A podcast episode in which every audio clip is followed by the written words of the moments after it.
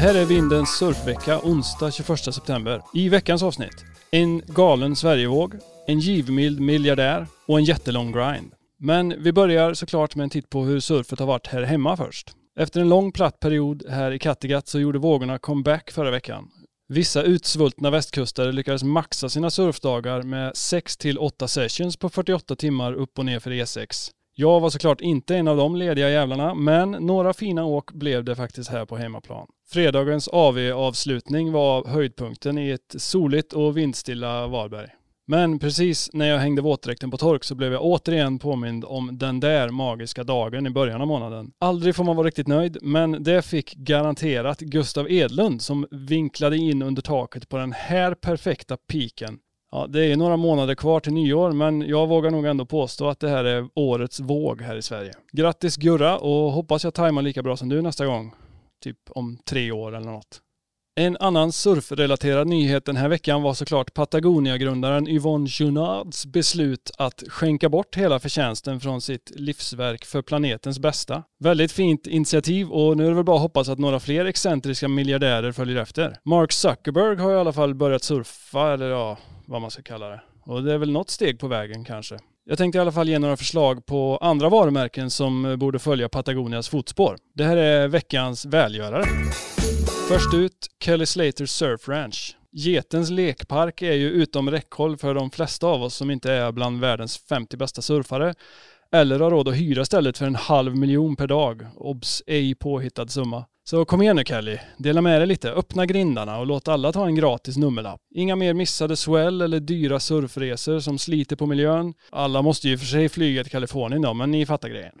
Nästa framtida filantrop är Surfline. Med 800 webbkameror som sänder live jorden runt, dygnet runt, finns egentligen ingen mening längre med bomkörningar. Ett premiumabonnemang hos Surfline kostar bara 50 spänn i månaden, men varför inte göra det helt gratis? Och låt svärmarna av surfare välla in på ditt hemmabryt bara när det är som bäst istället för att köra fram och tillbaka och checka. Det är väl ändå det som är tanken från början, eller?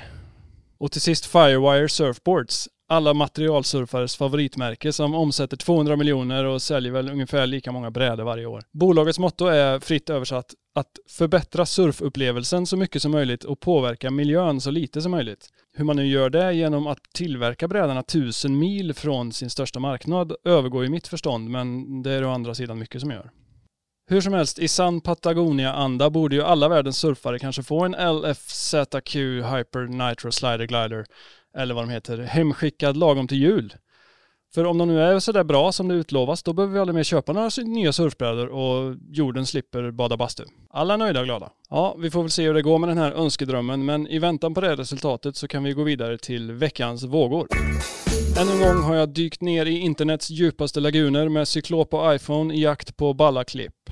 På tredje plats den här veckan, apropå Kelly Slaters Surf Ranch, så ser vi här Jamie O'Brien faktiskt surfa en helt vanlig bräda, vilket är ganska ovanligt nu för tiden. Klippet kommer från fotografen Tucker Woodings Instagram och själva Slatervågen har man ju sett en hel del nu men den här vinkeln från högt högt upp kändes lite ny och spännande och jag påminnes i alla fall lite av känslan från det där allra första klippet från december 2015. På andra plats, den här lite relaterbara regnbågshögen från lejet, eller förlåt, Sydney. Surfaren är inte namngiven men drönarpiloten går under det lättgillade namnet Skymonkey 5 på Instagram. Och jag gillar alltid att se någon som gör stora svängar med en bautastor bräda. Men på första plats den här veckan har vi det här exemplet på hur man får mesta möjliga glädje ur minsta möjliga våg. Klippet kommer från kontot Eco Pro Surf och det är Florida-karaktären Rasta Robbie McCormick som hittar energi där ingen energi finns och lyckas pumpa sig fram längs ett platt face för att sedan avsluta med en air reverse långt upp på sanden. Mer imponerande än en Italo alley-oop och väldigt stor inspiration till mitt nästa Kosa session. Som bonus har jag såklart tagit fram en bubblare även den här veckan. Och det är faktiskt inte en våg men kanske det närmaste man kan komma på land. Kolla bara här hur Aussie-skataren Kieran Woolley bara flyter över en betong-closeout på DIY-drömmen FDR Park i Philadelphia. En femstjärnig 5 i maxfart tre meter över marken. Otroligt mäktigt. Och nästan ännu mäktigare i den andra vinkeln från Chris Rooneys Instagram. Sinne, kolon, sprängt. Om du har ännu mer tid över och vill kolla ett lite längre klipp och har precis vad du söker. Det här är veckans video. Vad får man egentligen om man lägger ihop perfekta indiska oceanintuber och felfri Stilla havet stämsång? Ingen aning, men det är i alla fall vad vi får njuta av i den här mackan från Luke Davis och Jacob Vanderwork. Till tonerna av CSNYs Anthem Wooden Ships färdas Davis genom otaliga cylindrar i vad han själv kallar “the best Indonesia I've ever seen”. Ett ganska starkt citat ändå från en kille som ändå rest och surfat jorden runt sedan långt innan han dök upp i USAs version av TV4.